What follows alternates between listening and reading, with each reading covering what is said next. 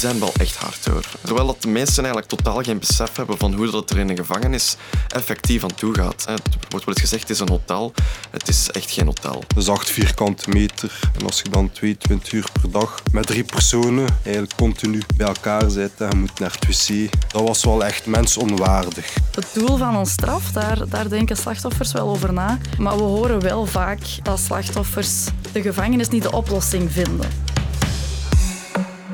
Het proces van de eeuw over de aanslagen in Zaventem en Maalbeek was nog maar net van start gegaan of het liep al vast. Mohamed Abrini en de andere beklaagden vinden de veiligheidsmaatregelen overdreven en eisen meer respect. Vooral de glazen boksen en de naaktfoeies vinden ze mensonwaardig. Daar kwam meteen veel reactie op. Verdienen gedetineerden een menswaardige behandeling als ze tientallen doden op hun geweten hebben? En hoe gaan we daar in België mee om? Daar babbel ik vandaag over met Nick, Kaat en Lorenz. Nick de Ridder, hallo. Hallo. Wie ben jij? Ik ben uh, ervaringsdeskundige in detentie en uh, ik kom hier eigenlijk uh, een beetje vertellen hoe dat is om te leven in de gevangenis. Kaat van Hout, wie ben jij? Ik ben bemiddelaar bij Moderator en ik begeleid daders en slachtoffers die terug met elkaar in contact komen. Lorenz, pardon. Hi. Jij bent onze expert aan tafel? Dat zou uh, blijkbaar zo zijn, ja. ik ben uh, criminoloog aan de Vrije Universiteit Brussel en ik doe uh, gevangenisonderzoek. Hoe menswaardig zijn de gevangenissen in ons land en moet dit anders? Dat hoor je in deze aflevering van Snapt je mij nu? Een podcast waarin ik, Aurélie Boffet, met jullie in gesprek ga over de dingen waar we van wakker liggen. Welkom!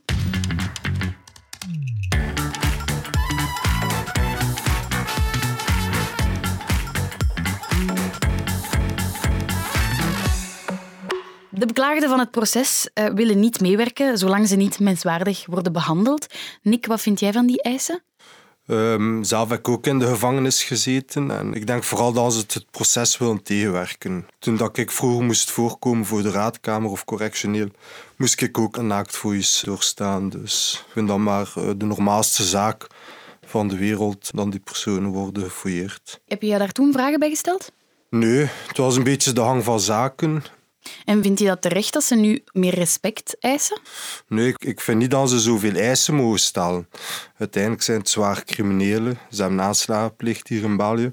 Ze hebben mensen vermoord. Ze hebben heel veel pijn en leed veroorzaakt. Dus uh, ja, ik vind het eigenlijk belachelijk dat men eh, probeert het proces te belemmeren en totaal geen empathisch vermogen hebben naar de slachtoffers toe. Mm -hmm. Ik sprak met uh, Karen Dekkers, justitieassistent die slachtoffers van de aanslagen begeleidt. Zij vertelde mij dat deze vertragingen een harde klap in het gezicht zijn van de slachtoffers. Wat verwacht het slachtoffer als er een proces komt? Dat is vooral erkenning van de dader voor de feiten, medewerking, antwoorden op vragen waar dat ze mee zitten.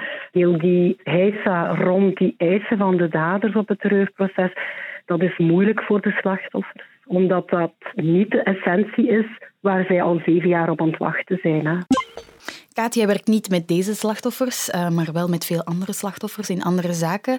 Is dat herkenbaar voor jou? -hmm.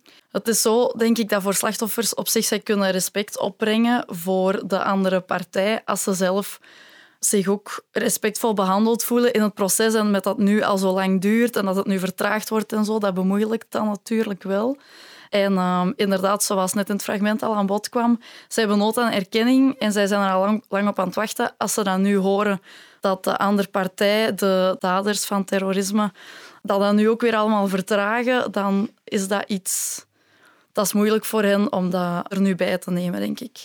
Ook op sociale media was er heel veel woede. Ik heb veel reacties zien passeren, zoals die van Tineke van Holland bijvoorbeeld. Die zegt, terroristen die zoveel mensenlevens hebben ontnomen op de aanslagen in Brussel, vragen meer menselijkheid op hun proces. Le monde à l'envers, mijn maag keert. Of Jeroen, die zegt dat sommige mensen die via twee aanslagen tientallen doden op hun geweten hebben, verdorie veel noten op hun zang hebben. Ze mogen blij zijn dat ze een proces krijgen en dat ze alleen maar opsluiting riskeren.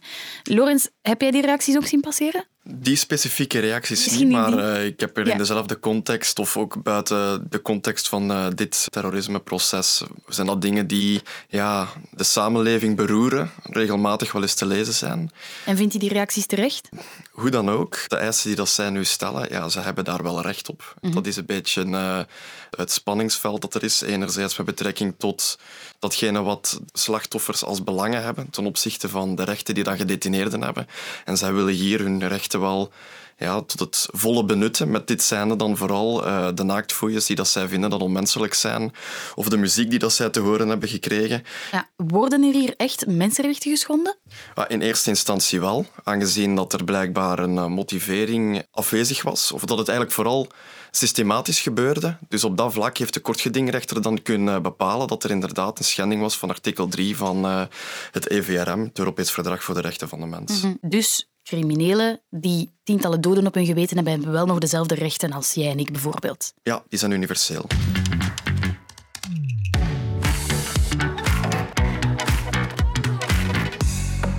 Er wordt wel vaker geklaagd over de behandeling van gedetineerden in ons land. Uh, er is nu ook discussie rond de gevangenis in Sint-Gilles bijvoorbeeld, waar dat veel mensenrechten geschonden zouden worden. Lorenz, in welke omstandigheden leven gedetineerden in ons land? Kan je daar een beetje een algemeen beeld van schetsen? Ja, het moet een beetje een genuanceerd beeld zijn. Natuurlijk. De situatie in Sint-Gilles is natuurlijk schrijnend. Niet alleen omwille van het gebrek aan, aan de nodige faciliteiten, want die zijn eigenlijk ondermaats, sowieso. Moeten ook veel gedetineerden samen met andere gedetineerden op kleine cellen verblijven, waar dan weinig privacy is. Dat is bijvoorbeeld ook het geval in Antwerpen. Maar naast die gevangenissen, want dit zijn nu wel diegenen die het meeste in de media komen, zijn er ook open inrichtingen die het bijvoorbeeld wel beter doen. Waar dat bijvoorbeeld wel gerespecteerd wordt dat gedetineerden alleen op een cel kunnen zitten. Maar in principe moeten we daar een onderscheid maken tussen het statuut dat je hebt. Zet je een beklaagde, dan heb je het eigenlijk in de meeste instantie in België veel slechter dan iemand die al afgestraft is. En een beklaagde is eigenlijk nog altijd nog niet schuldig bevonden. Dus in principe, ja, dat gaat niet helemaal gelijk op. Waarom? In principe door de overbevolking. Die situeert zich in hoofdzaak in de arresthuizen. Die gebouwen dateren ook al van de 19e eeuw, dus tussen 1830 en 1850 ongeveer. Ja, dat is te oud eigenlijk. En Ja, je hebt arresthuizen en strafhuizen. Hè? Kan je dat verschil eens uitleggen? ja, een arresthuis dat is waar dat mensen opgesloten worden in afwachting van hun proces. Die worden daar ook opgesloten omdat er een paar voorwaarden zijn met betrekking tot de voorlopige hechtenis, waar dat dan de onderzoeksrechter een toetsing aan doet. Waaronder bijvoorbeeld uh, recidivegevaar of ontvluchting. Dat zijn bijvoorbeeld voorwaarden om iemand in voorlopige hechtenis te plaatsen, zolang dat het gerechtelijk onderzoek loopt. En de strafhuizen zijn dan... Strafhuizen is in principe waar dat mensen die een veroordeling hebben gekregen hun straf uitzitten. Maar in de meeste Belgische gevangenissen, ook al is het in de strikte zin van het woord een arresthuis, kan het zijn dat daar veroordeelden zitten. Omdat er te weinig plaats is ook in de strafhuizen. Ja. Nick, jij hebt negen jaar Ja. in de gevangenis gezeten. Zat jij in een arresthuis en dan in een strafhuis? Of hoe was dat voor jou? Ik heb eigenlijk acht jaar en negen maanden was mijn eh, hoofdstraf. Ehm, maar voordat ik mij mijn eh, definitieve straf had gekregen, ben ik wel in, in voorarrest geplaatst geweest. Voor hoe lang? Ja, dat was een periodes van vier maanden. Dan terug naar buiten met voorwaarden. Ehm, dan met voorwaarden ehm, verbroken, nieuwe feiten gepleegd, terug naar binnen. Dan weer zes maanden. Ik ben al een paar keer binnen buiten gevlogen voordat ik mijn volledige straf had gekregen. Je hebt eerst in voorarrest gezeten en ben je dan naar een strafhuis gegaan? Ehm, ja, Was er dat- een verschil? Maar als je uiteindelijk je, definitieve veroordeling krijgt, dan vliegt je meestal op transfer. Bij mij was dat naar Brugge. En dat zijn allemaal ja, gedetineerden die een straf van meer dan vijf jaar hebben, die daar terechtkomen. En hoe vond je het leven daar? Vond je dat mensonwaardig? Ehm Brugge vond ik ja, mensonwaardig. Dus heel veel beton. Heel, heel weinig menselijk gevoel. De cellen waren wel redelijk proper, maar gewoon de omgeving. Als je naar de wandeling ging, was dat zo'n beetje ja, Amerikaansachtig, hè, met zijn torentjes, ehm, heel veel omheiningen, heel weinig groen. Dus je voelde je daar echt geïsoleerd, je voelde je daar echt like in in een bunker, afgesloten van de wereld. En hoe was de situatie in voorhechtenis? Heb jij ooit met meerdere mensen op een kamer moeten zitten? Ja, ik heb dat een paar keer meegemaakt. eh, Op, op een monocel met, met twee of met drie. Met een stapelbed, dan met iemand die op een matras op de grond lag. Dus dat is acht vierkante meter. En als je dan 22 uur per dag met drie personen, eigenlijk continu bij elkaar zit en je moet naar het wc. Zulke Gent ook. Eh, de wc was met een gordijntje. Weet het was niets van de deur. Dus je hoorde echt wel hè, of dat groot wc was of klein wc. Dus dat was wel echt mens, mensonwaardig. Mm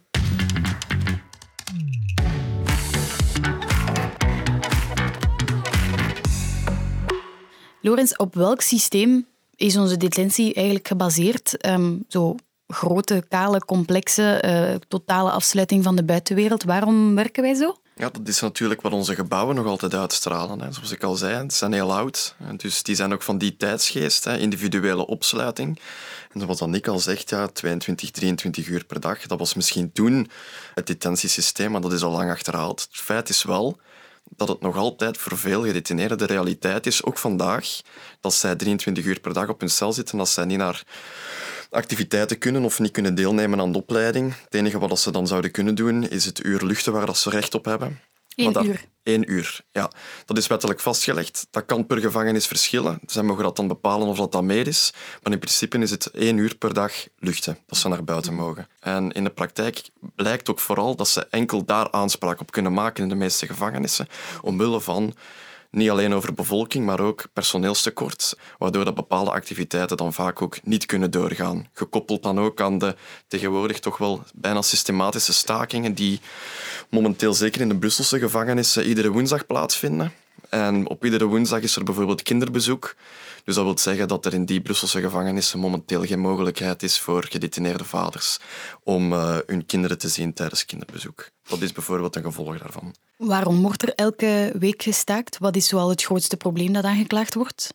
Dat zijn eigenlijk de problemen die dat ze al altijd aangekaart hebben. Nick, Nick zei het daarnet, uh, eh, 15 jaar geleden, maar het gaat zelfs nog veel verder terug in de tijd. Jaren 90, begin jaren 80, is dat eigenlijk beetje bij beetje uh, beginnen stijgen, die overbevolking. En die is bijna onafgebroken blijven stijgen. Zelfs momenteel, de laatste vijf jaar, is die nog altijd blijven stijgen. Het is eigenlijk vooral een hoofdzaak dat zowel de voorlopige hechtenis als de detenties, als de straffen die uitgesproken worden, dat die langer worden. Dus als hij al zegt, ja, ik heb op het moment vier maanden in voorlopige hechtenis gezeten, dat is echt al lang, want dat is meer als het gemiddelde. En dat zorgt er eigenlijk voor dat mensen langer in detentie blijven en dat die capaciteit eigenlijk opgevuld blijft. Er komt geen nieuwe plaatsen omdat de mensen te lang in detentie blijven. Ik sprak met de gevangenisdirecteur Hans Klaus van de gevangenis in Oudenaarde. Ehm, en volgens hem is het grootste probleem inderdaad ook voorhechtenis, die te lang duurt en het feit dat er niets wordt gedaan om de gedetineerden beter te maken. Criminaliteit komt niet uit de lucht gevallen. Hè? Criminaliteit is een, is, een, is een illegaal antwoord op problemen die die mens heeft.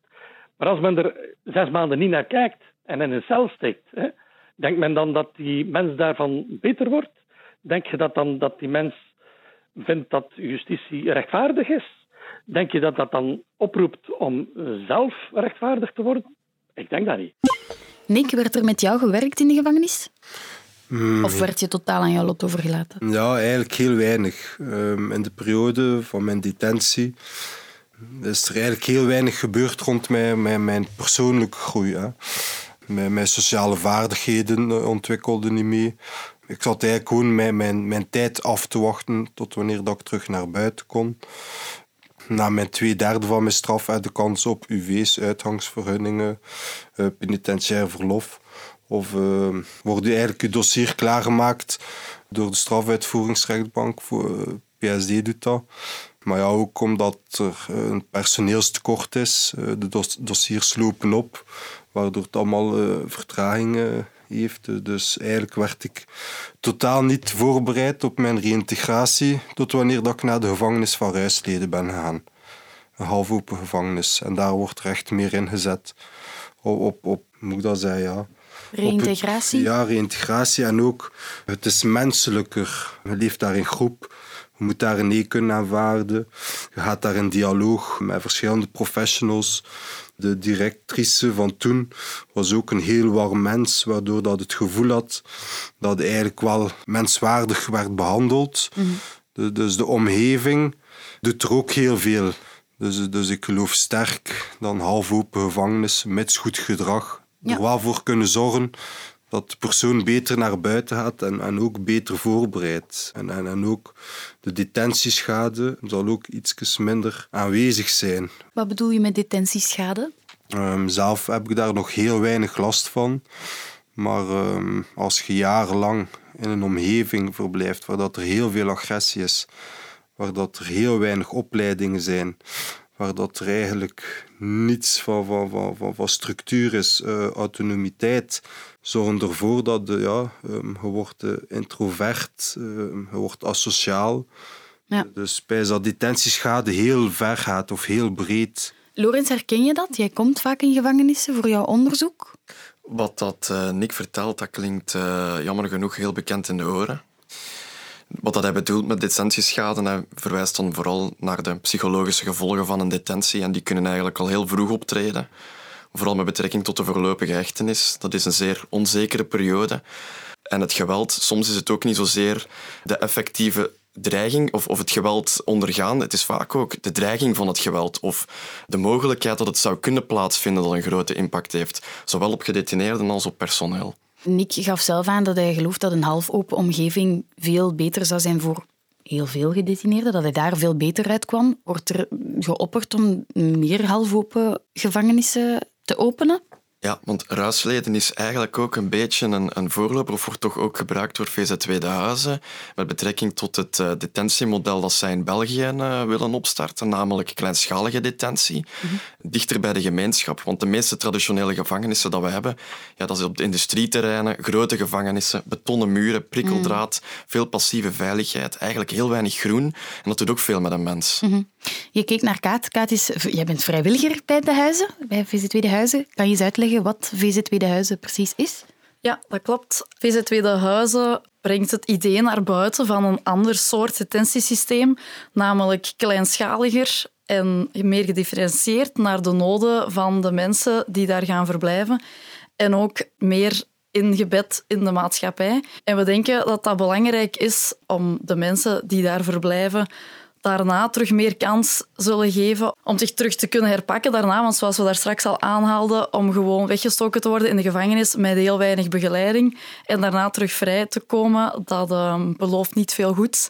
En die kleinschalige detentiehuizen die zouden daar beter aan kunnen bijdragen. Kaat, jij werkt ook veel met slachtoffers. Hoe kijken zij naar ons detentiesysteem? Zijn zij vaak op de hoogte van hoe dat het daaraan toe gaat in de gevangenis?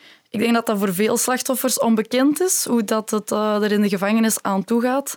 Er zullen er ook zeker zijn die daar geen interesse in hebben. Er zijn ook slachtoffers die daar wel over nadenken en daar vragen over hebben. Het is natuurlijk niet één, één groep die dezelfde mening heeft. Er zijn heel veel verschillende uh, situaties en mensen sowieso. Maar we horen wel vaak dat slachtoffers de gevangenis niet de oplossing vinden. Ze zijn daar wel mee bezig van, we willen niet dat dat opnieuw gebeurt bijvoorbeeld. Zo, het doel van een straf, daar, daar denken slachtoffers wel over na. En als ze dan merken dat dat in een gevangenis niet kan verbeterd worden, dan is dat wel iets waar dat ze over nadenken. Soms kan een straf wel een deel zijn aan de behoefte van erkenning bijvoorbeeld, als ze nood hebben aan erkenning. Maar voor sommige mensen kan het dus wel helpend zijn om te weten, er wordt wel een signaal gegeven of zo, als mensen een straf krijgen, ook naar de bredere maatschappij toe. Ja, en vind je dat slachtoffers betrokken zouden moeten worden bij de strafbepaling? Op zich is het sowieso goed, denk ik, dat er een onafhankelijk iemand uiteindelijk beslist. Maar wat wij bij Moderator ook belangrijk vinden, is om de stem aan de slachtoffers ook te kunnen geven. Dat zij wel ja, er ook mee over kunnen nadenken of een zegje kunnen doen. Dat is vaak voor hen ook belangrijk om gehoord te worden. Dat. Maar we horen ook vaak bij slachtoffers dat zij op zich ook niet zouden willen beslissen over wat de straf zal zijn. Maar dat voor hen al wel een goed gevoel geeft om wel mee iets te kunnen zeggen en daarin gehoord te worden. Dat wel.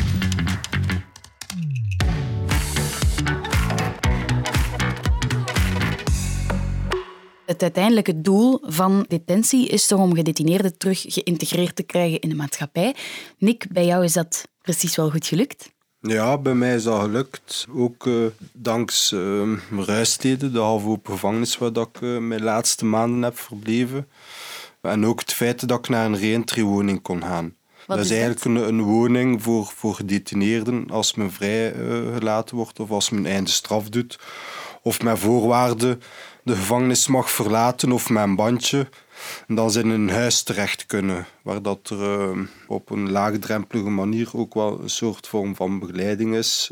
En, en, voor mij was het vooral belangrijk uh, dat ik een dak boven mijn hoofd had. Want, na al die jaren detentie stond er niemand klaar voor mij op te vangen. En moest ik toen niet de kans gehad hebben voor, voor naar die reentrywoning te kunnen gaan, stond ik gewoon weer op straat. En, en vanuit die reentrywoning ben ik ook kunnen gaan werken in een schrijnwerkersbedrijf, een beetje verder van Ruisleden. En eigenlijk heeft dat er wel voor gezorgd dan de eerste stappen gezet geweest zijn naar, naar een succesvolle reïntegratie. Maar de grootste trofee is uiteindelijk wel ja, uh, mijn, mijn, mijn vriendin dat ik heb leren kennen. En opeens voelde ik mij waardevol. Ik had iets voor te leven. Het gaf moed, hoop. Ik had ook nog een dochterke dat ik al jaren niet had gezien. Dat was, dat was eigenlijk mijn eerste motivatie.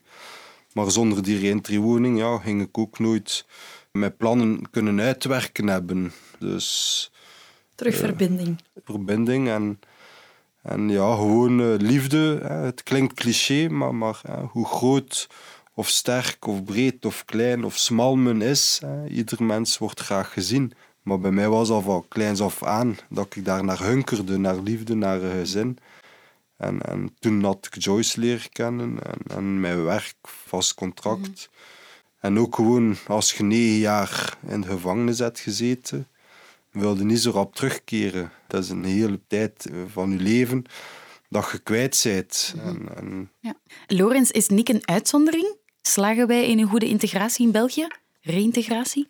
Om op het eerste antwoord, Nick is geen, geen uitzondering, maar het zijn vaak mensen zoals Nick die niet mee in rekening genomen worden als we kijken naar hoe dan onze gevangenissen het doen. We kijken eigenlijk te vaak naar de mensen die het net niet goed doen. En dat zijn er wel veel, maar dat hangt natuurlijk allemaal een beetje samen met de inhoud die dat er gegeven wordt aan de periode in detentie. En die inhoud die is vaak afwezig. Ja, en uh, hoeveel? Want je zei, het zijn er veel. Ja, procentueel is dat wat moeilijk om daar echt een cijfer op te plakken, maar laten we zeggen dat de meeste onderzoeken tussen de 50 en 70 procent aantonen in uh, recidivegehalte in België.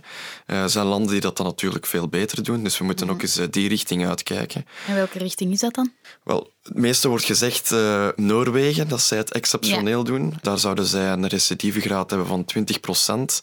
Maar daar wordt ook van in het begin ingezet op het toekomstgericht werken met de gedetineerden van zodra dat ze in detentie terechtkomen. Mm -hmm. Wat dat bij ons eigenlijk te weinig gebeurt. Is het model van Noorwegen dan de holy grail om toe te passen in ons land? Ik zou niet zomaar beleid van een ander land implementeren in onze eigen context. We kunnen wel altijd eens gaan kijken naar wat dat goed werkt of wat dat gewaardeerde praktijken zijn en daar stilletjes aan wel eens iets van proberen te implementeren in de praktijk. Maar we kunnen sowieso België en Noorwegen niet met elkaar vergelijken.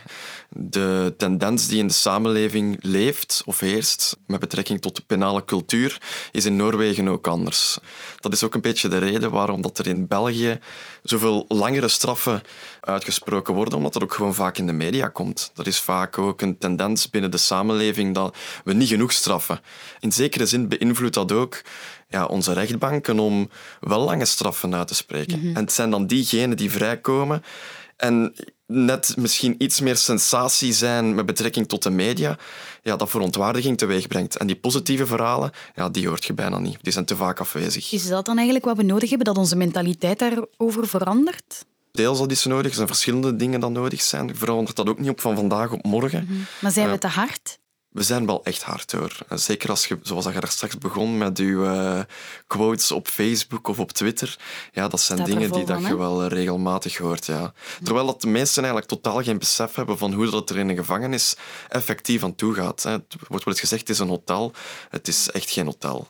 Verre van zelfs. Kaat, jij die werkt met beide partijen, vind jij ook dat we te hard zijn? Ja, zeker. Als ook criminoloog zijnde vind ik dat zeker zo. Vanuit mijn praktijkervaring met daders en slachtoffers hoor ik zowel de twee. En wij zien de twee partijen, de twee kanten. Dus je voelt ook wel voor de beide partijen vaak iets van begrip. En het is niet evident, maar hoe dat het er nu aan toe gaat, dat is zeker, zeker wel hard, inderdaad. En wat we net zeiden over autonomie, de enige vrijheid die ontnomen zou mogen worden, is de vrijheid op niet vrijende maatschappij zijn. Maar er zijn nog heel veel andere beperkingen die daarbij komen. De straf is eigenlijk de gedetineerde uit de maatschappij halen en niet het dagelijks leven. Ja, ah, wel, klopt. Ja. Zijn er veel slachtoffers die vraag hebben naar bemiddeling, die hun dader echt in de ogen willen kijken? Mhm. Op zich verbaast me dat dagelijks nog wel, toch hoeveel aanmeldingen dat er komen. Er zijn wel een aantal mensen die dat dus wel zien zitten. En waar we ook bij zien dat ze er wel een herstellend effect door ervaren. Al is het voor hun zelfvertrouwen om toch ook eens een keer hun gedachten kunnen zeggen of zo op een respectvolle manier. Of om nog iets te vragen waar dat ze echt nog mee zitten. En soms kunnen alleen daders die vraag nog beantwoorden, bijvoorbeeld. Dus we ervaren dat wel als iets dat door veel slachtoffers als herstellend kan zijn. En voor de daders helpt dat bij het schuldbesef? Ja, dat zeker wel. Zeker voor diegenen die er voor openstaan om dat te doen. Die staan er voor open om te luisteren naar wat de andere te zeggen heeft. Het heeft ook echt wel een grote impact om mensen naast elkaar te zien zitten. Als zij dan face-to-face van een slachtoffer moeten horen wat dat voor hen geweest is, dat laat zeker wel een indruk na. En voor sommigen is dat ook belangrijk om, om dat toch eens te horen. Dat draagt wel bij tot het inzicht inderdaad wat hun gedrag met iemand anders heeft gedaan. Vind je dat dat verplicht zou moeten worden? Verplicht zeker niet. Het is inderdaad nu niet verplicht door de wet. Ik denk dat dat goed is, want de mensen die nu daarvoor openstaan en dat zouden willen doen, daar is dan ook een motivatie om dat te doen, om ook voor de ander iets te doen. Ze zien er ook een voordeel in voor zichzelf. En dat maakt ook dat er vaak een open en eerlijk gesprek kan plaatsvinden. Maar moest het verplicht worden en die motivatie is er niet om dat goed te doen, ook voor de ander, dan kan het zijn dat een dader dat hij niet in staat is om iets op een respectvolle manier te bespreken met een slachtoffer, of dat een slachtoffer er niet klaar voor is om met die andere persoon samen te zitten of zo. En als dat verplicht zou worden, dan zou dat kunnen leiden tot nog meer kwetsuren bijvoorbeeld. En dat is zeker niet wat we willen. Hè. Mhm. Nick, ben jij in bemiddeling gegaan met jouw slachtoffers? Ik heb dat een paar keer aangevraagd. Ehm, dat was ook in, in het begin van mijn uh, detentieervaring. Eigenlijk had ik altijd wel het gevoel dat, dat wat ik gedaan had niet oké was. Dus eh, de, de, aanvraagprocedure tot, tot slachtoffer-daderbemiddeling gebeurde meestal al in de gevangenis, maar, maar mee dat ik dan achter drie maanden weer buiten kwam of vier maanden. Is er nooit van gekomen? Is er nooit van gekomen en, en, en meestal was ik ook maar twee maanden vrij en, mm. en zat ik terug binnen, waardoor dat dan het dossier weer werd, werd afgesloten. Zou jou dat hebben geholpen? Met mijzelf, maar toen ik jong was, had ik een heel laag normbesef. En, en, en, en, en trok ik mezelf ook heel vaak in, in, in de slachtoffersituatie. Ja. Um, het was de maatschappij die ervoor had gezorgd dat ik in de gevangenis was terechtgekomen. Dus het empathisch vermogen was beperkt. Dus, en mijn feiten waren ook ja, um, meer op winkels gericht en, en, mhm. en, op verzekeringskantoren of zo. Of, of. Dus het was nooit echt persoonlijk op een individu zelf. Mhm. Maar natuurlijk, mijn feiten hebben wel ja, angsten veroorzaakt bij personen. Mhm. Maar moest ik de dag van vandaag mijn slachtoffers uh, voor mij staan hebben, ze ook wel oprecht mijn excuses kunnen aanbieden. En er ook kunnen uitleggen van hoe dat is gekomen, mhm. dat ik ooit strafbare feiten heb gepleegd. Mm Lorenz, ik ga eindigen bij jou. Wat zou er voor jou nog beter kunnen om, om ons detentieprobleem aan te pakken? In dat antwoord gaat het allemaal een beetje samenkomen. Hè. Hmm. Ehm, contact met de mensen buiten, het contact hmm. binnen. Moeten natuurlijk ook activiteiten zijn. Eigenlijk zijn dat allemaal factoren die dat we kunnen groeperen onder wat we noemen het leefklimaat in de gevangenis. En als we dat positief kunnen krijgen, dan kan dat al sterk bijdragen aan het reïntegreren van de gedetineerden. Maar willen we vooruit? Ja, er is geen juiste straf trouwens. Maar er is inderdaad al veel informatie over wat de eerste stappen zouden kunnen zijn naar een beter detentiesysteem. Maar we moeten ze zetten. We moeten ze zetten. Hopelijk komt er dan ook snel schot in de zaak. Dank jullie wel, Kaat van Hout, Nick de Ridder en Lorenz Pardon voor dit fijne gesprek. Waar probeer jij jouw vrienden van te overtuigen? Waar lig jij s'nachts van wakker? Stuur me al jouw ideeën door via de Instagram-pagina van VRT Nieuws of stuur me een berichtje op Twitter via Aurélie-Boffé. En misschien ben jij wel te gast in mijn volgende aflevering.